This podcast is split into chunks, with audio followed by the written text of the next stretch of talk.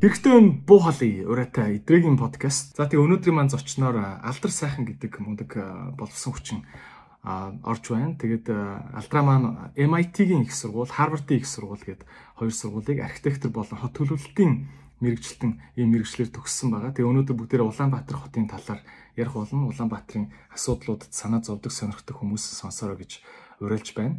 За Алдраа шууд хоёулаа асуултандаа оръё.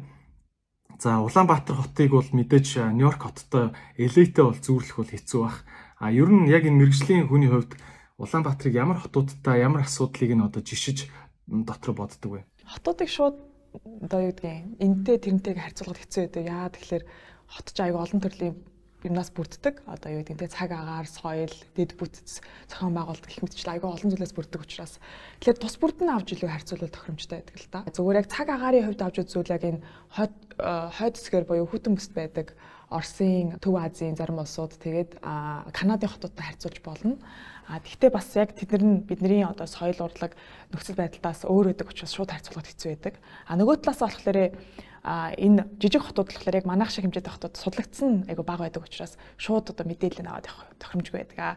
Тэгээ яг миний нэг өгөх жишээ Сөүл байна. Сөүл хэтий том ч гэсэндээ яг өнгөрсөн зууны хагасд бол яг манайх шиг асуудлуудаа тулгарч ирсэн. Яг одоо жишээлбэл 52 онд Сөүл 700 мянган хүн амтай байсан гэж байгаа байхгүй юу.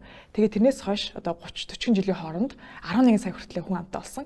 Тэгээ яг эхэндээ бол манай хот шиг хүн ам их болоод бохирдолтой болоод төвжээтэй болоод одоо гэр хороол шиг тийм альбан бус хороолууд бий болоод а тэг бүр сургууль одоо дэд бүтцүүд байхгүй болоод майхны сургууль хүртэл явчихсан гэж хэлж байгаа байхгүй. Тэгэхээр яг энэ Азийн соёлд байдаг огцон өөрчлөлтөнд орсон одоо яг адилхан асуудлуудад толгорч ирсэн гэвэл би Сөүлийг ер нь авч үзэх зүг юм болоо гэж бодсон. Яг л нэг талаасаа бид нэр ингээд яваад өнгөрцөн замыг хараад тэндээсээ суралцах боломж байгаа. Нөгөө талаасаа тэр хүмүүс ч одоо ингээд шинэхэн тэр асуудлуудаа мэдэрсэн байгаа байхгүй юу? Тэгээ яг энэ сөүлч нь одоо эхний үедээ бол яг дид бүтцүүдэд томуудаа барьж исэн. Одоо яг зам, метро гэж яваад тэгэнгүүтээ хоёр дахь хэсэг дээр болохоор илүү системийн бүтцийн засаглалын шинжилгээд хийгээд а сүүлийн нэг 10 20 жил болохоор яг иргэдрүүгөө чиглэсэн иргэдийн оролцоо нөлөөллийг яаж нэмэх үү? А мөн IT смарт чиглэл рүү илүү хөгжиж явж байгаа. Тэгэхээр яг эндээс нь хараад бид нэр яг эндээс яаж сурах уу? Эндээс алдаа оноо нь юу байсан бэ гэдгийг авч үзвэл илүү тохиромжтой болоо гэж боддог. Сүүлийн миний ойлгосноор бас ингээд айгүй олон мэрэгчлэнүүд ч гэсэндээ Монголын юмнуудад айгүй оролцож ажиллаад байгаа нэг үе бодоход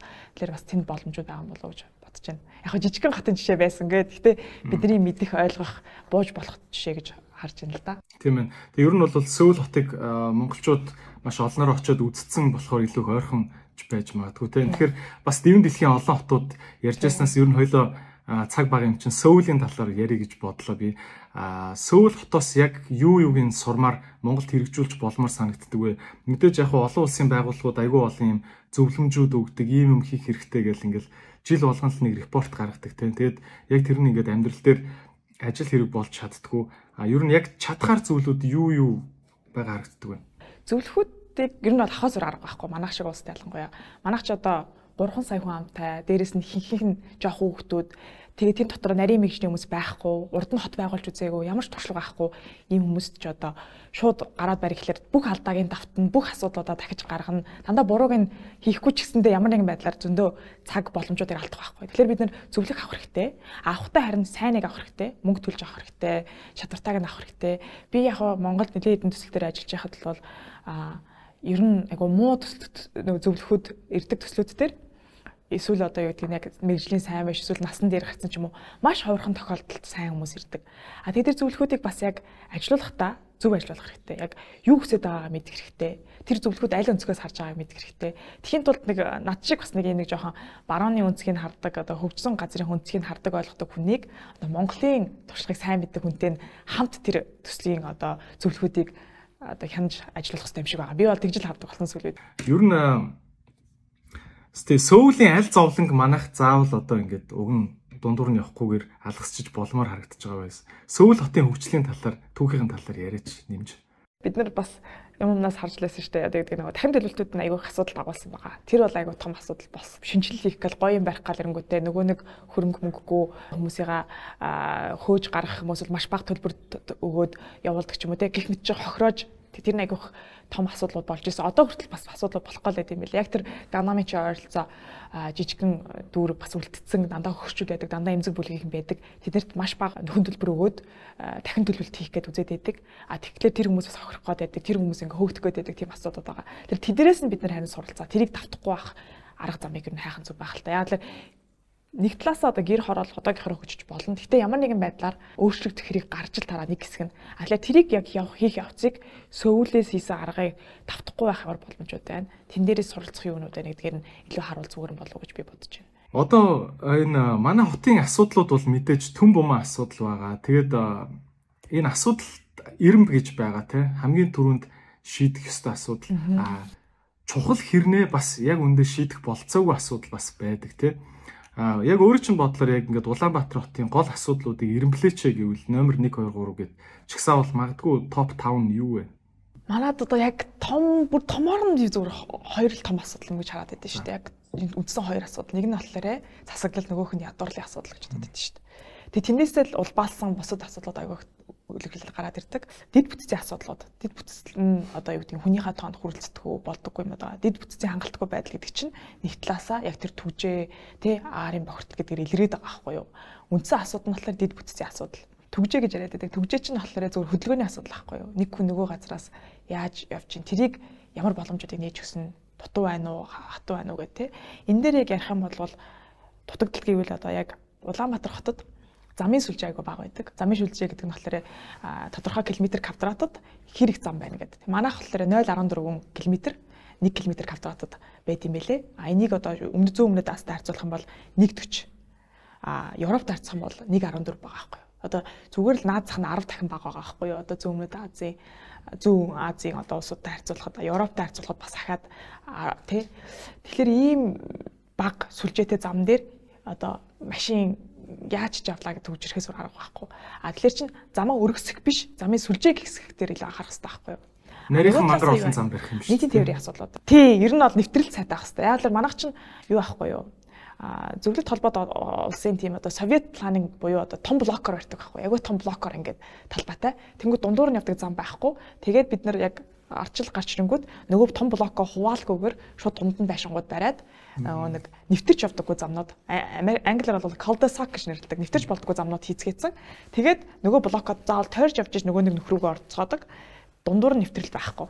Тэгэхээр манай тэр грид буюу сүлжээний систем бол айгүй муу байгаа. Бид нэр нийтийн тээврээр хөгжүүлэхгүй бол юу дангаараа явахгүй. Аа автомашинаар бүгдийг шийднэ гэж аахгүй. Хичнээн загсаал бариад, хичнээн зам бариад биднэрт талбайч байхгүй, мөнгөч байхгүй, боломжч байхгүй. Тийм учраас нийтийн тээвэр дээр заавал төшгөх хэрэгтэй. А нийтийн тээврийг одоо ярих юм бол Улаанбаатарт ердөөсөө одоо 450 автобус л явж байна. Тэрнийх нь одоо 70%, 75% нь 10 жилээс сэтэрсэн. Тэрийг бол хаас айгүй хараал хинч мэдж байгаа. Тэгээд би ингээд үзэхлээр аль 13 онд одоо баг 10 жилийн өмнө л 800 автобус 250 микр үйлчилдэг байсан байхгүй юу. Тэр чинь баг тоогоор одоогийнхтай ч цаагаад байхгүй. Тэр үеийнхтэй харьцуулахад тухайн ам идэх хэрэг өссөн блэ? Юу болсон блэ гэдгээс бодолцож үзээд тэр хэмжээгээр хөрөнгө оруулалт бас аягүй дутагдаад байгаа газар гэж үздэг. Тэгээд мэдээч хэрэг автобусаа сайжруулахгүйгээр машина багасгах боломж байхгүй. А замаа чөлөөлөхгүйгээр одоо боломжийг нэхгүйгээр автобусны үйлчлэгээ сайжрахгүй гэдэг нэг юм хоорондоо заавал холбоолт уялдаатай асуудлууд байгаа. Тэгэхээр энэ бол зөвхөн түгжээний асуудал биш энэ бол хөдөлгөөний асуудал гэж хараад байгаа. Нөгөө нэг одоо том асуудал нь одоо дэд бүтцийн дутагдaltaа нэг асуудал болоод бохирдол гэж бодоод байгаа. Утааны байна уу те газрын хөрсний байна уу бохирдлууд аягүй том асуудлууд болоод байгаа. Эн чинь бидний одоо орчинд хаасааг нөлөөлж байгаа. Хаасаагүй байгаа. Одоо ердөөл Улаанбаатарын одоо 30 эдэн хувь нь л юуны бохирын сүлжээтэй холбогдсон үлдсэн нь бол ингээл зөвөр хаа хамаагүй байсан газараа хөрсөндөө бохирдлоо хаяад байгаа. Тэр нь урт хугацаанд биднэрт ямар бас нөхөн жорлон тий ер нь их боломжтой л да. Тийм ер нь жорлонгийн асуудал. Угаацны асуудал айгүй хөндөр байдаг байхгүй. Угаацны чинь бас хийх газар олдохгүй болохоор өвлийн цагт бол жорлон руугаа биш дандаа гудамж руугаа хайдаг. Дээрээс нь үнсээ хайдаг. Үнсэнд л бол нэлээд хүнд металлын асуудлууд байд юм шиг байгаа. Миний ойлгосноор. Тэгээд үнсний нэг асуудал нь болохоор газар дээр буунгуудаа тэр хүнд металл юм уу тэр одоо тэр бохирдлууд чинь нөгөө өндөрт явдаггүй. Тэгэхээр хүүхдүүд илүү хорддог гэж ярьд юм билээ. Тэгэхээр машины утаа үнсний бохирдол дээр бол бас яг хүүхдүүд рүү илүү тулгарч байгаа л да. Засаглалын хувьд би зүгээр нэг юм товчхон дуртахад юу байгаа а юуны газар зохион байгуулалт гэдгийг газар зохион байгуулалтын тийм дээр нэг асуудал байгаа. Энэ нь болохоор бүсчил гэж юм байдаг байхгүй юу? Газрынхан тухайн нөхцөл байдалд ийм имийг ийм өндөртэй ийм хэмжээтэй барина гэдэг ингээд заагаад өгсөн байдаг байхгүй юу? А манай талаараа тэрийг ярьж исэн мөртлөө яг хэрэгжүүлдэггүй. Тэгэхээр газрын эзэн болохоор яг ингээд зохион байгуулалтаа хин хаана очиж юу гэдэг те нэг норм дүрм юмд хамаарагдангуудаа юу дуртайгаа барьж болдог байхгүй. Тэгээд бид нар яаж яана гэхээр нөгөө нэг сургуулггүй, цэцэрлэггүй, а юугүй эмлэггүй нэг том том хорооллууд байдаг. Тэнгүүт нөгөө яаж яана гэхээр хүмүүс бүгдээрээ нэг газараас нөгөө газар руу явдаг. А single use буюу нэг хэрэглээний юм segregated буюу одоо ингээд юм тусгаарлагдсан бүсүүд бий болоод байгаа байхгүй. Одоо орчин үед юу яадаг болсон бохоо гэхээр mixed use буюу одоо бүгдийг холиод байна тий. Ойрхон дэлгүүртэй, ойрхон сургуультай, ойрхон цэцэрлэгтэй, ойрхон одоо юу гэдэг спортын газартай ингээд явдаг тийм чиглэл рүү яваад хад манайх болохоор ингээд яг ингээд чөлөө зах зээл одоо газрын эзэн дураараа идэг болохоор шууд орон сууцаа бариад ингээд ингээд ингээд явчихж байгаа. Дээрээс нь одоо яг тэр нөгөө бүсчлээ зөв тохион байгуулалт ороог учраас яг төв рүүгээ бүх юм байдаг. Төв дээрээ л ирж бүх юмаа хийчээд гардаг тийм болчиход байгаа л да. Тэгэхээр яг энэ засагдал дэд бүтцийн том асуудлуудын үр дүнд л бид нэр ийм хэцүү хотод амьдарч байгаа гэж хэлж болно. Альва нэг хөгжил ярихаар дата их ярддаг болчихжээ. Тэгээд зөв датагүй болохоор дарга нарын цээжний пангаар шийдвэрүүд гардаг. Эсвэл нэг Facebook-ийн давлгаа харж байгаа шийдвэрүүдээ гаргацдаг. Цаана яг нөгөө тоо дата нь буруу яваад идэг ийм жишгтэй болчиход байна л та. Тэгээд монголчууд ер нь өөрсдийнхөө гаргаж байгаа статистик датануудад ер нь итгэхгүй байгаа. За тэгэхээр ер нь хот ер нь ямар тоо датануудаа илүү сайн хянжаах ёстой юм. Манай Монгол улс ер нь Улаанбаатар хот тийм юм байна уу? Одоо нэг хүнд ногдох тийм юм гээл өчнөө олон л үзүүлэлт байд юм байл шүү дээ. Тэр нь ямар хуу байна? Дата баримт бол аюу хэцүү шүү дээ. Ер нь бол сүүлийн үед ялангуяа ямар нэг дата тайлан гарангууд тэрийг ингээд иргэдтэй танилцуулах мэдээлэл авах айгу хомс болцсон. Тэгээд тэрийг оллоо гэхэд яг ингээд утга учрыг тайлаад ууших гэхлээр яг хүнд хэрэгтэй бас бага байдаг байхгүй юу. Яг тэр нэг хүн ногдох дээр жишээлбэл нэг юм жишээ байна. Улаанбаатар хотод нэг хүн ногдох ногоон байгууламж гэдэг нэлээд гайг өндөр тоо байдаг байхгүй юу. Тэрийг яг бодоод үзэхлээр Улаанбаатарын талбайч айгүй өн томор авчдаг гэдэг богдуул могдуултаа ч гэдэг юм уу те ингээд нэг хойшоо мош айгүй том талбай авчдаг. Тэр нь зүгээр л юм нэг хоос ногоон газар. Тэнгүү тэрийнхаа хэсгийг ингээд ногоон байгууламжтай оруулан гутаа 1.5 та хуваагаад ингээд гаргаад ирчтэй юм шиг байна. Тэр яг тэр хүмүүст өдөр болгон тэр хүмүүс тийшээгээ парк гэж очиж гэнэ ногоон байгууламж гэж очиж гэнэ үгүй байхгүй юу. Аа тэгээд тэр ногоон байгууламж чинь тооцохдоо ер нь бол гэртээ чи ойрхон байна уу хаана байна те дүүрэг дотор нь хідэн хүн байна нэг хүн ногдох нь хэд байна ч гэдэм үү яг ингээд юм жижиг нюанс деталуудыг гаргаж ирж бодох хэрэгтэй. Тэгэхэд чинь ингээд яг манад одоо их датанууд яг тэгж ирдэг. Улаанбаатар хотын одоо нийлүүлж байгаа нэг юм нэг юм тоо байна. Нэг хүн ногдох тэд байна. Ингээд ингээд гараад ирдэг. Хот чинь ингээд газар зүүн ингээд байршаас шалтгаалаад өөр өөр нөхцлүүд байгаа. Тэрийг нь ойлгох хэрэгтэй учраас а жижигэлсэн дата хэрэгтэй байдаг. Disaggregated буюу одоо ингээд яг энэ хороонд яг яаж ийн энэ буланд яаж ийн ингээд тэр датанууд олдоход хэцүү байдаг. Ер нь гардаггүй бас. Тэнгүүд бид нар яг ядуурлах хаан төвлөрсөн байна хаана одоо илүү асуудлууд байна те тэднийгээ тодорхойлж мэдэж авч хийхэд аягүй хэцүү байдаг. Одоо тиймэрхүү датануудыг жишээлбэл одоо орчин үед бас харцангуй арай давуу талууд гарч ирж байна л да одоо юу гэдгийг сателлайт одоо сателлайт юунаас сансрын зурагаас авсан юу нэ газрын зурган дээр гэр хорооллын гэрийг тоолж болдог ч юм уу машины хэмжээг тоолдог ч юм уу те тиймэрхүү аргачлалууд бол гараад ирсэн байгаа. Хамгийн чухал нь одоо жишээл автобусны тэр хөдөлгөөний юмнуудыг мэдхийн тулд автобусны дата хэрэгтэй байхгүй юу?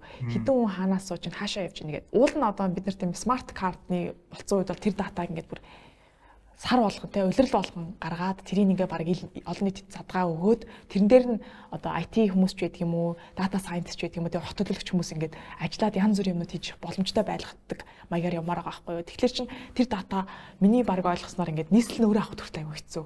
Тэр нөгөө нэг тэр гүйцэтгэдэг компанид нь байдаг. Аа тэгээд тэрийн юу нөгөө нэг судлаач мэрэгчлүүд очих хаа хийсэн те. Тийм байгаад байдаг. Тэгэхээр тэр датануудыг илүү ойрхон болгоод тэр датаг илүү ингээд big data те том data том өгөгдөл дээр хийсэн юмнуудыг хийх боломжтой болгох илүү бас боломжууд байгаа гэж хараад байдаг л да. Ялангуяа Улаанбаатар шиг юунд одоо үндсэн статистикийн датанууд тийм хүртээмжгүй хэцүү газар болвол яг тийм өөрсдөө боловсруулаад болж олох тийм боломжтой юмнуудыг хөгжүүлэх айгу том орон зай гэж би л хардیں۔ Lime Монгол дугаартаа Yaran application дэлхийн монголчуудаа зөвлөв. Ер нь бол энэ тал дээр хийх ажил маш их байгаа харагдаж байгаа тийм саяхан ингээл э, явж гин л та хэрүүл сенсац болоод байна те. Эми сангууд зөвхөн хотын төвөөр байдаг одоо те. Гэр хорооллын бүсээс хүмүүс хотын төв рүү им авах гэж ирлээ гэл.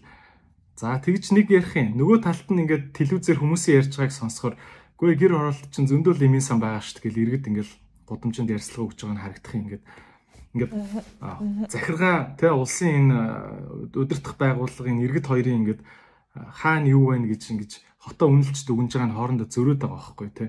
Одоо жишээ нь саяны нэмийн сангийн кейс дээр ч гэхэд одоо өөрөө ч харж исэн дата байна уу тий. Ингээд иргэд хоорондоо юм зөрүүтэй ойлголттой байна л да. Энэ тал дээр Дээхэн үед дээхэн үдчтэй одоо хэдэн жилийн манай хороо цэг юм гэж вебсайт гарч иржсэн.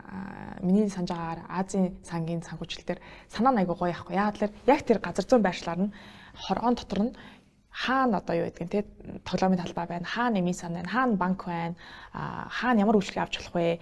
Тэгээд нөгөө нэг юуных нь иргэдийнх нь бас мэдээллүүд нь хорооныхоо төвшин ингээ гараад ирчдэг ил үйж идэг байсан байхгүй юу? Тэгсэн чинь тэр датаг ингээд уул нь хорооноосоо улирал болгон ч гэдэг юм уу жил болгон ч мэдээлэл аваад сайжруулаад явах хэрэгтэйсэн чинь тэгээд гаццсан. Одоо ерөөс ажилтдаг уу хуучин мэдээлэлтэй болцсон тийм байгаад байдаг.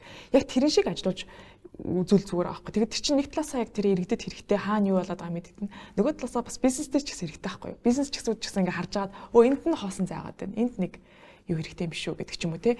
Тим маягаар ер нь явах боломжтой байсан уулан. Тэгэхээр тиймэрхүү юмнуудыг бас илүү хөгжүүлэх боломжтой байхах. Аа яг эмиса юм уу гэдэг чи одоо яг гэр хороол гэдэг чи яг өөрөө чинь хэлснээр яг тийм байхгүй юу? Нөгөө нэг өөрийнхөө харсан өнцгөр хараад байдаг.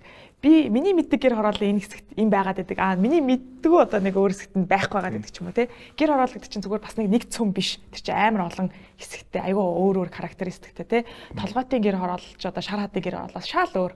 Тэгш эдийн засаг хүмүүс амьдарч байгаа юу орчин нөхцөл байдал шал өөр болчиход байгаа байхгүй. Тэр тэр тэрнийхээ онцлог юмыг мэдхийн тулд бид нэр яг тэр газар зүйн байршлын онцлогын мэдээлэлтэй датаг жижиг хэсгээр нь олж авахгүй бол одоо юу гэдэг гэр ороолыг нэг бүлэг болгонгуудаа нийт химийн сангийн тоолонгуудаа дунд нь хуучих юм бол ямар тоо гарах нь ямар ямар хинт хинт ч хэрэггүй тийм дата мэдээлэл гарчаад байгаа байхгүй тий. Тэгэхээр тэрийг айгуу сайн яг орчин нөхцөлийн байдалд нь тохируулж мэдэх. Тэгжиж бас яг орчин нөхцөл байдалд нь тохирсон төлөвлөгөө зориулт юмуд гарч ирэх байхгүй юу. Хувийн хвшээс ч тэр төрөөс ч тэр иргэдээс ч тэр тэгж явж байна. Тэгэхээр тиймэрхүү дата мэдээллүүдийг ил олгоод ойлголтоо нэгтгэл хэрэг гаргах байх л та тийм.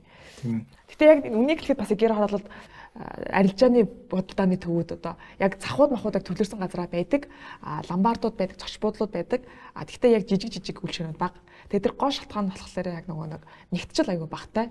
Хүмүүс нэг аягүй тархад суудаг болохоор дунд нь ороод одоо нэг юу ажиллуулахад шууд ирэх хүмүүсийнх нь цөөн байгаад идэг.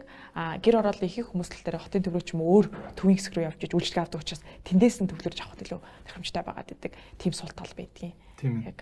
Тэгэхээр бас яг гэр ороолын иргэд бол хотын төвд амьдарч байгаа ч юм уу илүү барилгацсан хэсэгт амьдарч байгаа иргэдээс илүү хүндрэлтэй байдлаар ямар нэг үйлчлэгийг авдаг бол ерөөсөй ойлгомжтой. Юуны хувийн хөвчлийн үйлчлэгч тэр төрийн үйлчлэгч тэр аль аль нь. Тийм ээ. Алтрагийн хувьд нэг төсөл хэрэгжүүлээд гэр орооллын нэг хашааг нэг айгуу гоё болгоцсон байсан шүү дээ. Би нэг зургийг харж ирсэн бүр ингээд ногоо ургуулад ямар ч гоё гашаа машаатай болцсон. Нэг Америк айлшиг болгоцсон байсан шүү дээ. Тэр төсөл юу болсон бэ? Ер нь ер нь гэр хорооллыг гоё болгох итгэл найдвар бидэнд ер нь байна уу? Ер нь болох юм болов уу? Эсвэл болсон уу? Тэрийг. Ер нь бас би ингэж хаад байдаг байхгүй юу? Манайх манайхд ч бол гэр хороолайта ерөөс анханасаа байсан. Анханасаа л үсгэс л байсан. Тэгэл явж явж байгаа л гинт нэг одоо бараг л 20 20 жилийн өмнөөс юм уу да. Юу байгаа л нөгөө нэг асуудлууд нь гарч ирэл эрэнгүүт гэр ороод бинж ярьж эхэлдэг болсон. Гэр ороолыг би бол олон талаас шийдэх хэрэгтэй болов гэж боддоо шүү дээ. Дахин төлөлт хийгдэх хэсэг нь хийгдэн, сайжруулах хэсэг нь сайжруулагдана. Зүгээр үлдээд одоо юу гэдгийг те явах хэсэг нь явнаа гэдэг нэг юм олон талын байх болов гэж боддоо. Тэгээд тэр төсөлчин болохоор яг зүгээр л бараг сайн дураараа хийсэн зүйл байгаа. Гол санаа нь болохоор одоо ингээд бид нар ингээд олон улсын байгууллагууд, донорууд төрийг хүлээгээд бид нар чадахгүй байна. Ямар нэгэн байдлаар бид өөрсдөө орчноо сайжруулахаас өөр арга байхгүй. Тэгэхээр бид нарт хийж чадах юмнууд жижиг юмнаас эхлэе. Хамгийн бага зардлаар хамгийн богино хугацаанд өөрөө хийж чадах юмнууд юу байна гэдгийг үзэж байгаад хийсэн байхгүй. Тэгээд тэн дээр бол ерөнхийдөө бид нар яг нэг хашаан дээр нэг 8-аас 10 хоногийн хооронд за нийт зардал миний санаж байгаагаар 4 5 сая төгрөг болсон юм аа төргөөр ямар өөрчлөлт хийж чадах вэ гэдгийг үзсэн аахгүй яг дахин юм ашиглаад тэгээ бид нар хашаагаа янзлсан ногоожулсан машины зам хийсэн ягууны зам хийсэн хүүхдийн тоглоомын талбай байгуулсан аахгүй тэгээд тэрийг яг видеонд ч гэсэн яг хүмүүст илүү ойлгомжтой урам зориг өгөх зорилтоор хийсэн байгаа. YouTube дээр хашаагаа яаж өөрчилсөн бэ гэд байгаа. Тэгээ үзсээд илүү тэгээсэй гэж хэлсэн. Тэгэхээр тэр олол юу гэдгийг хүний хашааг очиж янзлж өгөх зорилттой биш. Хүмүүст сэтэл төрүүлээд өөрсдөө хитэн дэмжлэг болохоор хийгдсэн нэг тийм үйл ажиллагаа яваад өнгөрсөн байгаа. Тэгэхээр яг тэрлүүл илүү чиглүүл бас найдвар байгаа болоо гэж бодож байгаа. Тэгээд яг хүн өөрийнхөө аймаг сайжруулаад эхлэнгүүт цаашдаа хөштэйгээ хамтраад орчноо сайжруулах нь илүү хандаад ирэх боломжтой. Тэгжээж бид нар хот орчин те юм аа илүү гоё болох болоо гэж бодоод байгаа тийм. Тийм ээ. Ер нь одоо ингээл Солонгос, Япон улсуудын түүхийг харж ин те. Япон бол одоо ингээл дайны дараа тэр Nike-гийн ном дээр гардаг ш. Токио Токио хотын бараг 70% нь ингээд будаа болцсон дайны дараа тийм байхад л ингээл гутлын үйлдвэрүүд нь ажиллал байжсэн гэж ярьдаг те. А Солонгос бол мэдээж 50 60-аад оны үед бол өстө будаа болцсон газар байсан шүү дээ. Тэгэд яг энэ улсуудын хөгжил нь бас иргэдийнх нь өөрсдийнх нь одоо сэтгэлгээтэй их холбоотой гэж яриад байдаг. А энэ үнэн юм болов? Эсвэл яг үнэхээр менежментийн хүчээр л одоо удирдлагын хүчээр л манай хот хөгжих юм болов? Иргэдэд хандаж одоо яг мэрэгчлэний зүгээс юу гэж хэлэх вэ? Тийм сэтгэлгээ энтрийн өөрчлөлт бидэрт хэрэгтэй үгүй юу? Дээ. Би бол одоо сүултээ зүгээр хавтаа ингээд хотыг чаажалж байгааг хараад ер нь юмыг хараад тахлаар тэрнийг хүлээж авахаар ер нь өөрөө чадах юм хийжсэн дээр л гэдэг тийм э, хандлагатай болсон шүү дээ. Тэгээд тэр нь ч бараг зүг байж магадгүй. Яагаад л тэгжиж бид нар бас тэр хүмүүс нөлөөлөх боломжтой болов а шууд бус ба гэхэд. Тэгэхээр би бол хотын иргэн хүний хувьд та хотод амьдраад зовоол байгаа бол оролцоо сүр байгаа байхгүй. Оролцож ижил ажиллана. Тэгэхгүй бол ингээл хэнийг дарган гэрэл гоё болгон гэж бол байхгүй. Тэ сөөхтөө оролцсон иргэдийн төлөөлөгчийн хуралдаа хурлын төлөөлсөн гишүүнтэйгээ уулзаж ярилцсан. Шаардлага тав те өөртөө шаардлага тав өөрөө дөрмөө байр саналаа солилцсон те тэг бүр ярих юм бол өөрөө твшээд оролцсон. Тэг тэгээд одоо бүр болохгүй бол те одоо сүүлийн үед айгүйх яригддаг болсон. Tactical urbanism гэдэг байгаа байхгүй юу? Tactical urbanism гэхлээрэ хүмүүс богино хугацаанд бага зардлаар бүтээлчээр одоо ингээд хотын имийг өөрчилдөг тиймнүүд явагдаад байгаа. Тимийг өөрөө хийгээд үз тэ. Хажуудаа байдаг цэцэрлэгт хүрээлэнгийн ногоо нь ингээд урахгүй ингээд завраад байгаа бол тэрийг очиод цэвэрлж байгаа янзлж байгаад ургуулчих болно шүү дээ тий. Аа юу гэдгийг тий. Энэ талтны хашаа ингээд хүмүүсийн замыг хагаад байгаа бол тэрийг өөрөө буулгачдаг ч юм уу тий. Гэх мэтчлэн оролцож болох байхгүй юу.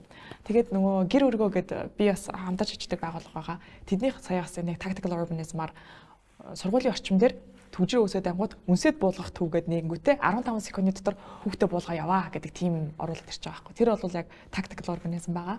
Одоо Бостон жишээлбэл ингээд дугуун зам тусгаарлаагүй байсан болохоор нь хүмүүс ингээд аюу аюултай байнгут нэг залуу орангуудаа юм ургамлын цэцэг авчиад ингээд тусгаарлаа тавьсан чинь аяндаа тэр нь ингээд ашиглагдаад хүмүүс чинь давхаа болоод тэгээд хот нь өөрөө ирж нөгөө дээр нь ингээд аль бие усны хийж гэж байгаа байхгүй. Тэгэхээр бид нар өөрөө санаачлаад өөрөөсөө хийж болох жижиг юм одоо хийж яал гэдэг тийм ер нь бол чиглэл рүү явсан шүү дээ.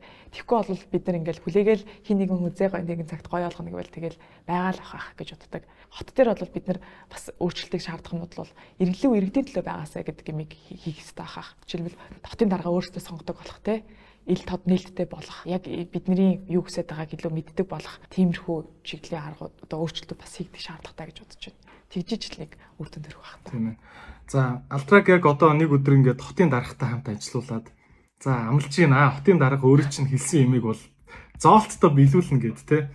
Тэгэд ингээд хотын дарагтаа даргад нэг л санал хэлээч. Тэр мангар хэрэгтэй гэвэл ямар санал гарах вэ? За окей нэг л юм төлөвлөгөөл хэрэгжиж болохоос гэдгийг зам мэдгүй. Гэтэ ер нь бид нар хийж байгаа бүх юма хүртээмжтэй болох хэрэгтэй болоо гэж боддог болсон ялангуяа. Одоо хөгжлийн бэрхшээлтэй болоо янз бүрийн бэрхшээлтэй чадвартай хүмүүс зориулсан болгож хийдэг болдог. Одоо одооноос эхэлж байгаа бүх өөрчлөлтийг яг тэрийг аягуус авч хэлэлцүүл хийвэл зүгээр гэж бодож байна. Яг л хөгжлийн бишэлтэй гэдэг чинь зөвхөн тэрэн зэртэй хүн биш. Яг л бид нар хөгшрөөд хүүхэд юм уу те тэр хүмүүс чинь бүгдээрээ чадахын ямар нэг асуудал байгаа. Тэр хүмүүсийг ч гэсэн бодоод нийгмийнхаа бас энэ аюул том хүрээллийг ингээд за та нар ингээд зүгээр зовоод чи бид нар ингээд энэ чинь амьдрч гэдэг тийм ийгээд байгаа байхгүй. Тэр яг тэрийг л ер нь оролцуулахсаа гэж бодож байна. Одоогийн одоо өнөөдрөөс эхэлж байгаа бүх өөрчлөлтөөр л яг тэр хүртээмжтэй байдлыг илүү сайн анхаарч үзвэл зүгээр гэж бодож Улаанбаатарын асуудал ер нь ингээд сошиал медиа дээр маш их байна. Тэгээ ер нь манай Монголд ч одоо энэ сошиал гэдэг юм чи одоо баг шүүхээсээ хүчтэй их л одоо үнэн зовыг ялгах чадвартай болчиход шүү дээ.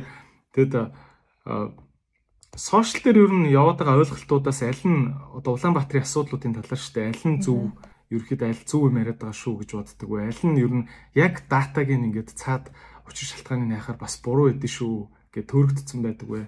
Энэ тал дээр нэг Аа зөв зөв. Аа ер нь бол тэгэл сүүлийн үед байж байгаа нэг юм гарч ирдэг те. Тэгэл Улаанбаатар дээр ч гэсэндээ байж байгаа л бид нар туршилтын тулаа шиг өнөөдөр тийшээ зүү ирэхгүй маргааш тэрэн дугаар явахгүй нөгөөдөр сондгоо тэгшээр явж гэх юм уу те ингээд юм surprise гэдээ гараад ирдэг. Тим юмуд аягүй их байдаг болохоор хүмүүс бас хаширцсан болоо гэж бодоод байгаа. Тэгэхээр ямар нэг юм гарч ирэнгүүт хүмүүс эхлээд шууд анхны реакц бол за энэ нэг юм сэтцэн байна. Энэ ингээ болохгүй байна гэдэг тийм болчиход байгаа. Тэр нь би бас яг иргэдэг шууд буруутгахтаа дургу. Яагаад тэлэр олон жилийн одоо ингээд зовоосныхаа үр дүнд бид нар ийм хашир олчлоо шүү дээ. Хаширч гэдэг юм уу одоо юу гэдгийг те итгэлгүй амар эргэлзээтэй болсон. Тийм учраас тэднийг бас зөв гэж бодоод байдаг. А зүгээр тэрийг ингээд зөв зохион байгуулалт оруулж явах хэрэгтэй хүмүүс бол манай төрийнхөө өөрсдөө авахгүй юу? Одоо яг зөв мэдээлэл өгөөд зөв яриагаа хэлцүүлгээ хийгээд ингээд явуулахгүй. Тэгэхгүй одоо сүүлийн үед хамгийн том жишээ бол LRT биш үү? LRT гэдэг Light Rail Transit гэдэг яриад ороод ирсэн. Гинт нэг сонь зураг гаргаж ирэл тэр нь ингээл харсан чинь ингээл ярмын дээгүүр ингээл том юм явна гэл. Тэгснэ байжсэн нэг ярьсан болгонгууд LRT хамгийн хямд хамгийн мундаг ерөөсө энэс өөр арга зам байхгүй. Ингээд яваа гэдэг ч юм уу те. Гимтчлээ ингээд ийм огцон огцон юм барингууд чинь хүмүүс шууд ихнээсээ дургуутж эхэлж байгаа байхгүй юу. А би бол яг ингээд жоох мэдээлэл аваад үзье гэхэлэр айгүй тодорхойгүй. Яг мэдээлэл бас олддог байхгүй юу. А LRT-гийн BRT гэж ярьж байсан. Яг автобусын түшгэлж исэн тийм систем. Тэр нь бол хамгийн хямдхан мөртлөө хамгийн олон хүн зөөх боломжтой бас нэг аргуудын нэг байсан. А Латин Америк орнуудад туршигдаад ер нь бол батлагдаад айгу сайн явж байгаа тийм газар байгаа. А нэг давуу тал нь болохоор нэг хэмжээний хөрөнгө оруулалт бага, дээрээс нь тэр зардлын одоо операц буюу одоо үйл ажиллагаа явуулах зардал нь бас харьцангуй бага хэмжлэн тийм давуу талууд байдаг. Дээгүр ч юм уу эсвэл газрын гүнээр хийж орчныг эвдэх уу эсвэл зардал гаргах гуйх давуу талтай байдаг л да. Тэгээд нэг яриад байгаа. Би тэгээд яг LRT-гийн талаар бол бодохдоо яг одоогийнхоо ярьж байгаагаар бол айгүй мэдээлэл багтаага. Дээрээс нь бас нэг тийм дээгүүр явдаг бүтэн системээр network-оор нь бодоогүй тийм асуудлуудыг нь үзээд ер нь бол их дэмжихгүй байгаа. А тэрийг миний бодлоор илүү сайн судалгаан дээр үндэслэж наривчилж яваад тэр явцдаа иргэдийг оролцуулаад судлаачтай оролцуулаад ярилцаад тэгээд үр дүн түрээд яг юу юм яриадгээ бодох хэрэгтэй хэл та. Тэгэхгүй манайх шиг юм жижигхэн ерөөдөө жижигхэн хат штэ жижигхэн хотын мөнгө багтаа газар маш өндөр зардлаар ичвэл ер нь бол хэцүү. Яг л ихэнх тийм өндөр зардлаар бүтсэн метро ч гэдэг юм уу, лайт рол ч гэдэг юм айл айл нь дандаа зардал гарч идэг. Дандаа одоо татаас нөхөөсөр явдаг байхгүй юу? А ашиг оддог бол цөөхөн одоо хотууд эдгийн Сингапур ч байдаг юм уу, Хонконг ч байдаг юм уу. Тэгэхээр бид нар бол тэр олон жил тэр зардлыг яаж төлөх вэ? Яаж зохион байгуулалт нь оруулах вэ гэдгийг айгуу сайн бодчих гармаар юм шиг байна. Тийм ч шалтгааны улмаас би бас метрог нэг тийм дэмждэг үү. Яг л тэрний эхний зардал байтугай үйл ажиллагааны зардлын бид нар ер нь урт хугацаанд дийлэх чадваргүй гэж хараад идэг. Тэр хоёр ч бас цорын ганц сонголт бас биш байхгүй юу. Тэгэхээр олон талаас нь харж агаад яг зөв шийдэл гаргавал зүгээр гэж боддог. За нэг ямарч нэг жишээ тодорхой ярьлаа те. Аа одоо энэ нийтийн тээвэрт өөр за метро хитрхи үнэтэй байна. Тэгээд LRT бол нэх тийм гоё опшн сонголт биш гэж харж байна. LRT-г би бас яг хувьдаа зүгээр миний л ойлголтоор айгүй их зардалтай юм билээ л дээ. Том том цементэн багнууд усгадаг. Тэр цементэн багнууд одоо ингээл Бангкок хотод очих юм бол Таиландын те одоо бол нөгөө дээгүүрэн зам нь баригдаагүй зүгээр том том багнууд бариад бариа хайцсан. Тэгээ тэр нэг багна нь хідэн хидчнээ үнэтэй те юм болт юм билээ шүү дээ. Тэгээд тэр хамгийн гол нь барьцсан хэсгээр нь тэр хотын амьдрал бол амьдрахад их хэцүү санагдсан. Надад бол нөгөө доогуур нь явж байгаа замын дуучин тэр дээшигээ ойгоод буцаж доошоо бууж ирэхээр хотын тэр дуу чимээг бол ерөөсө баг 2 3 дахин нэмээд байгаа юм ааш. Их л хэцүү байлээ те тэр дээгүүр явдаг нийтийн тээвэр чинь тийм. Ер нь тэр одоо дээгүүр явдаг нийтийн тээвэр дээгүүр явдаг хурдны зам одоо манай шинэ гүр байгаа шүү дээ. Тэр мэрийг чинь орчин үед хүн амьдардаг ингээ гол хотын цөм хэсэгт хийгээ байсан. Ерөнхийдөө энэ ерөөсөө биш юм байна. Энэ бол ерөөсөө хотын амьдралыг сүйтгэх юм байна. Хотыг хуваадаг юм байна. Мух хоолгодог юм байна. Гэт болоод нураадаг чиглэл рүү явж хахад бид нэр яг тийм яриад эхэлж байгаа бол аюу харамстай л да. А тэгээд тэр бишний гүрэн дээр бол ерөөсөө анханаас амар дург байсан. Айгуу дими гэж бодсон. Тэр гүрний зардлаар манайх автобусныхаа бараг хагсын шахуу шинжлэх боломжтой байсан юм бэлээ л дээ зүгээр айгуу хөнгөн тооцоо хийгээд үзэхэд л бол Тэгэхээр тийм том боломжийг алдаад одоо бид нар тэнд нэг том гүртэй нөгөө төгжрлээ буулгана багасгах гэсэн яасан яг л хിവэрээ баг дорцсон шахуу тийм байгаа байхгүй юу. Тэгээ тэрнийгүр тэрнийг цаана амьдэрдэг байсан хүмүүс 2 3 жил гүүрэндээгүр машинтайгаа зэрэгцэж алхсан те гих мэтчлэн тийм сул талууд байгаа. Тэгэхээр тийм ямар нэгэн байдлаар одоо өргөгдсөн цементэн юм барихыг бид ер нь бол байнга л эсрэг үсэх хэрэгтэй гэж би боддог. Хотөлүүлэлт гэдэг мэрэгчлэх сонирхолтой. Дээрэс нь ер нь хотын асуудлууд их сонирхолтой. Гэхдээ даанч хүүхдүүд нэг юм архитектор гэдгээс өөр мэрэгжил баг мэддэггүй шүү дээ. Ер нь энэ хоттой холбоотой ямар гой гой мэрэгчлүүд байд юм бэ? Одоо яг гадагшаа сургууль явах гэж байгаа хүүхдүүдэд ийм мэрэгчлүүд байдаг шүү гэж хэлэх зүйл юу байна вэ? Тийм тийм манайх архитектор гэдэг нь нөгөө нэг бас түүхэн юунаас хамааралтай болчиход байгаа.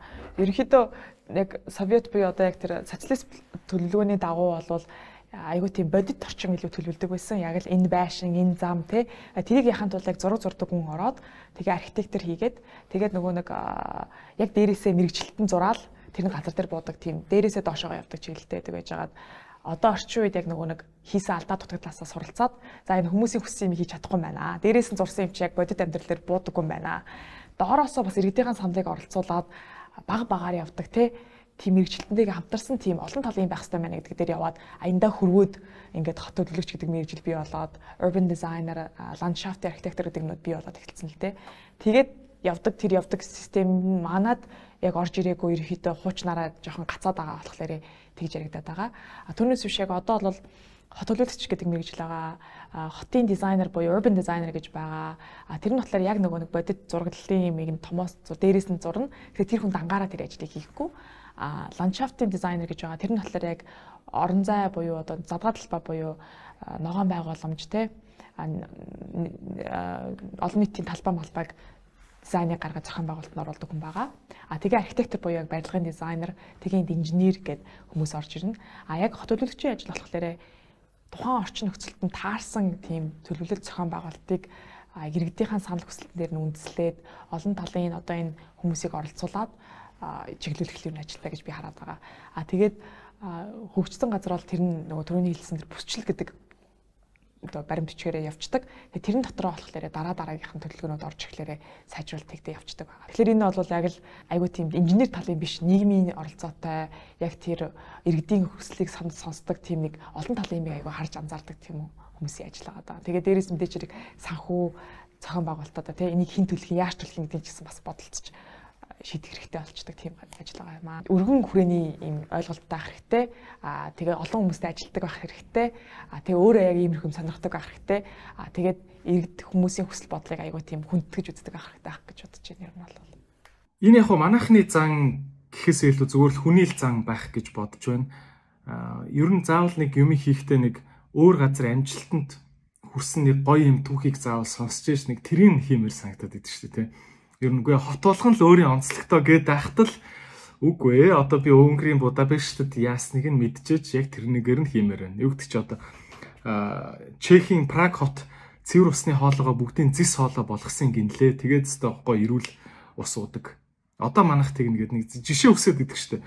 Ер нь яг Улаанбаатарчууд жишээ болгоод ярихад энэ хот тэрийгээ тэгээ ойлгоцсон байна. Энэ тэрийгээ ойлгоцсон байна гэд яг тийм гоё жишээнүүд хийдэг сонирхуулаач. Аа зөв зөв. Аа яг шууд ярих юм бол юу байгаа? Би Вианад айгуу дуртай. Австрийн Виана хотод. Яг бас л хөгжсөн газар л да. Гэхдээ тэр хот бол яг нэг хүний амьдрах нөхцөл байдлаасаа бол хамгийн шилдэгүүдийн нэг л дээ. Тэгээд тэрний давуу тал нь болохоор зүгээр л нийтийн тээврийн амар сайтай. Олон төрлийн сүлжээ зам одоо тийм дугуй явган нийтийн тээвэр автобус юу гэдэг бүгдээр ингээд явахыг айгу боломжтой нэгээд өгсөн. Дундаж одоо ажилдаа явж ирэх одоо нэг хүний нэг зорчилт нь 26 минут байдаг гэж байгаа байхгүй. Тэр бол ерөөсөө маш том амжилт байгаа даа. Аа тэгээд хотынх нь одоо хагасан шахуу ногоон байгууламж задгаа талбай. Тэгээд тэр соёл урлаг мурлаг юмныхаа ямиг бол оролцуулсан нь бол маш том амжилттай байдаг. Тэр тэр хотыг би бол ерөөхдөө олон хотод э, нөгөө зорилгоо олгож хардаг ах. Манайхан ч гэсэн бас харчвал зүгээр ах. Яг л хүн ам ч гэсэн тийм том биш байхгүй. 1.8 жилүүтэй орчим сая хүн амтай том биш хот. Тэгтээ аягүй сайн амжилттай явж байгаа. Тэгэхээр тэр жишээг бол яг ингээд нэг хамгийн гоё ингээд хүн амьдрахад гоё гэдгээр нь харчвал зүгээр юм шиг байгаа. А өөр босод жишээнүүд гэх юм бол одоо сүүлийн үедэд их яригдж байгаа ялангуяа дэлхийн дулаалтай холбоотойгоор resiliency буюу ингээд даван гарах чадварыг аягүй сайн хөгжүүлдэг болоод байгаа. Тэрнээр бол хотод бол юу гэдэг те үерийн үед яах вэ? Галын үед ч яах вэ гэдэг юм уу те? Газар хөдлөлтийн үед яах вэ гэдэг дээр тухайн бүрдэнд бэлтгэлүүд аягүй сайн хийж эхлэх байгаа. Тэр тэрийг бас бид нэр суралцах хэрэгтэй байх гэж бодоод байна. Яг л манай хот чинь жоохон орцох гарц юмнууд айгүй замраагүй. Тэгэхээр их олон хүн маш том одоо аюуллаад манай хотоос гарах хэрэгтэй бол яаж гарах вэ? их том одоо үер одоо нэг хэсэгт болвол тэр хүмүүс яах вэ? Эсвэл тэр усыг яаж зайлуулах вэ? Юу газар хөдлөлт болоод олон байшин одоо юу гэдэг те унвал төр оршин суух газар хаана хийн хийх вэ гэдэг юм уу те? Гихмит чинь тиймэрхүү тийм бэлтгэж эхлэх юм шиг байна. Би яг хоо тэр ингээд шууд хэрэглэхэд хэцүү байна. Гэтэ ингээд одоо юу гэдэг те том ногоон байгууламжийг үлдээгээд тэрэн дээр нь үерийн усд очиж шингэдэг тийм bioswell буюу тиймэрхүү sponge маягийн хийдэг нүд газрууд байгаа. А тиймэрхүү жишээнүүдээр хийж болно. А гэхдээ энэ нэг дэлхийн дулаалтай холбоотойгоор гамшигуд ихсээд ирнэ. Тэрэн дээр бид нэр яах вэ гэдгийг аягүй сайн бодох хэрэгтэй юм шиг. Би бол тэрийг аягүй чухалчилж хэлнэ. Нэг тийм амар айлгаж байгаа юм биш. Гэхдээ тиймэрхүү нөхцөл байдал бол манад их ойрхон байгаа гэж бодож байна. Тэг яг нөгөө тиймэрхүү болцсохгүй юм яриад ирэхээр ер нь төв төв Харин тийм шүү. Тэр нь дадлын компаниуд хэцүү байдаг байх гэж бодож байна. Resilience гэдэг чинь яг даван гарах чадвартай хэрэгтэй. Тэгээд одоо энэ үйлжингээ манай мэдээлэлээр ярьсан шүү дээ. А юуг бол дулаалга байхгүй болох магадaltaй энэ захилгаан эрчим хүч дулаан эрсдэлтэй байгаа шүү гэд бид нэг айлгаал байгаа. Тэр чинь яг болох юм бол үнэхээр аюултай. Яг л дулаан байхгүй болол ингээл гацах ч юм уу байхгүй болонгууд нөгөө нэг холбоонууд чинь бүгдээрээ хөлдөөл хагараал тэнгууд тэр чин тэр чигтээ ингээд маш удаан хугацааны том хохирол үүснэ. Тэгээд тэр чинь одоо яг яах вэ те. Тэгээд гэрте хүн бол Улаанбаатарт улаан байшин хороолт бол дулаангүйгээр удаан амьдрах боломж байхгүй. Сүүлийн асуулт. Улаанбаатарын иргэн болгон одоо ингээд ер нь айгу хотоо гэсэн сэтгэлтэй Улаанбаатараа гоё болгочихъя гэж байгаа зөндөө олон хүмүүс байгаа. Яг зүрэг Улаанбаатарын иргэн иргэн хүнд хандаж үг хэлээч гэвэл юу ч хэлэх вэ? Бид нар одоо юуг санаж сэрж явах хэрэгтэй вэ? Аа оролцоосоо л гэж бодож байна. Ер нь тэгээд өглөө хосчоод юу гэдгийг те нэг бодлын бас бид ингээд машин барьж өрөө дунд нь орчвол өө би төгжирлээ гэж хараагаад байдаг. Би бас өөрөө төгжирлээний шалтгаан болчиход байгаа. Тэгэхээр өөр бус боломжуудаараа явд юм уу явдаг юм уу эсвэл шаарддаг юм уу шаарддаг тийм болоосоо л гэж бодож байна. Нийтийн тээвэр юм уу нийтийн тээврийг шаард. Хүний зам уу ягуунийхаа замыг шаард. Өөртөө тэр боломжуудыг гаргаад өөрөө тэрийг хөөцөлдөд явахгүй бол бид нарыг ер нь нэг тийм аврагч баатар ирж аврахгүй байх гэж бодож байна. А тэгээ дээрэс нь одоо нийслэл чинь агүй одоо юу нэ баг хагсан шахуу төсвийн одоо улсын төсвөөс ирдэг байхгүй мөнгө нь. Тэгээ сүүлийн 18 оноос хойш төсөв нь одоо болтол 3.5 дахин ихссэн байгаа. Тэгээд бодоод үзэхгүй сүүлийн 4 жилийн хооронд тэр хооронд юу өөрчлөгдсөн бэ гэдгийг бас бид нар бодох хэрэгтэй байхгүй. Тэр хэрвээ тэр мөнгө үрдэнгүү зарцуулагдаж байгаа яаж агаад бид нар тэрэнд хяналт тавиад, шаардлага тавиад сайжруулах хэрэгтэй байх. Тэгээ тэрийгээ сайн хийгээсэй гэж бодож байна. Тэгэхгүй ингээд зүгээр л цогцлоор хэрэлдээл ингээд мартаад мартаад байж болмооргүй байна а яг үр дүнтэй хүрэхгүй байгаа юм бодож шаард. Яг л өөрийн чинь мөнгөөр өөрийн чинь буцаага зовоогоод байна шүү дээ. Тэгэхээр тэрийг айгүй сайн оролцож шийдэлцэж яваасаа гэж бодож байна. А тэгээд юу болоод байгааг мэдэх хэрэгтэй байна. Яг хааны болоод байгааг. Гэрийнхаа иргэн тойронд ч гэсэн тий. Манай хотын төсөв одоо хаанаас орж хянд юм бэ тэрийг? Хаанаас орж хяндаг төсвийн нэг ерөөхдөө бол юу байд юм бэлээ. Хотын талаарх мэдээллүүд ер нь хаана үү? Тэгээ Улаанбаатар цэгийн дээр зарим нэг одоо юу гэдэг нөгөө жилдээ батлагдсан нөгөө төлөвлөлтүүд ингээд листээр гараад ирсэн байдгийг. Яг нөгөө тэрийг хиндэ очиж хэлэх нь яаж хэлэх нь харин ойлгомжгүй байж магадгүй. Тэгэхээр ста нөгөө нэг дэвшсэн гişүүн мишүүнээ таарлдуул сошиалороо хэлүүл хэлээд эрдэнэ төлөөлөгчтэй хуралдаа хэлээд гихмдчлээ явах. Гэхдээ бас нэг давуу тал нь одоо тэр сошиал юм чинь хүмүүс хангалттай шуурвал бас нэг реакц ирдэг болсон байгаа. Тэгэхээр тэрийг бас ашиглаж болох юм шиг байгаа. Миний бодлоор. Тийм. Нийслэлийн иргэдийн төлөөлөгч нар гэдэг нөхдүүд байгаа шүү дээ, тий? Тий. Иргэдийн төлөөлөгчд байгаа. Нийслэлийн иргэдийн төлөөлөгчдийн хурлын гишүүдийг л сошиалар сайн араас нь шалгах нь шүү дээ. Тий, ер нь хин юу игээд байгааг мэдэх хэрэгтэй байхгүй юу? Тэгээд Төрөний тэр логик чинь сөөгт ч гэсэн төлөх байхгүй. Сөөхийн мөнгөө бид нэ төлөхгүй байгаад байдаг. Сөөгт төлөхгүйгээр тэр байшин чинь сайхан яваад орчин сайхан явна гэж байхгүй. А хэрвээ сөөхийн ажиллагаа таарлагдахгүй байгаад өөрөө сөөгт ороод тэрийг өөрчил сөөх одоо юу гэдгийг мэдээлэл өгөхгүй байгаад сөөхөөс мэдээлэл өг гэж шаардаад явах хэрэгтэй. За иргэдэн оролцдог хотл ер нь явандаа явж явж хөгжих юм байна л гэж би бол ойлголоо. Тийм бага. Ер нь за тэгээд алдар сайхандаа баярлалаа. Тэгээд ийм гоё мэдээлэл хуваалцсанд. Тэгээд алдрагийн маань бүгдээрээ Twitter дээр дагаарай. Тэгээд хаяг нь мэдээлэл нь бол доор нь байгаа. Тэгээд ажилт нь амжилт хүсье ялдраа. Баярлалаа. Сонирхолтой яриа өрнөсөн баярлалаа. Багч хэсэг хэрэгтэй мөсөн баг гэж найдаж байна.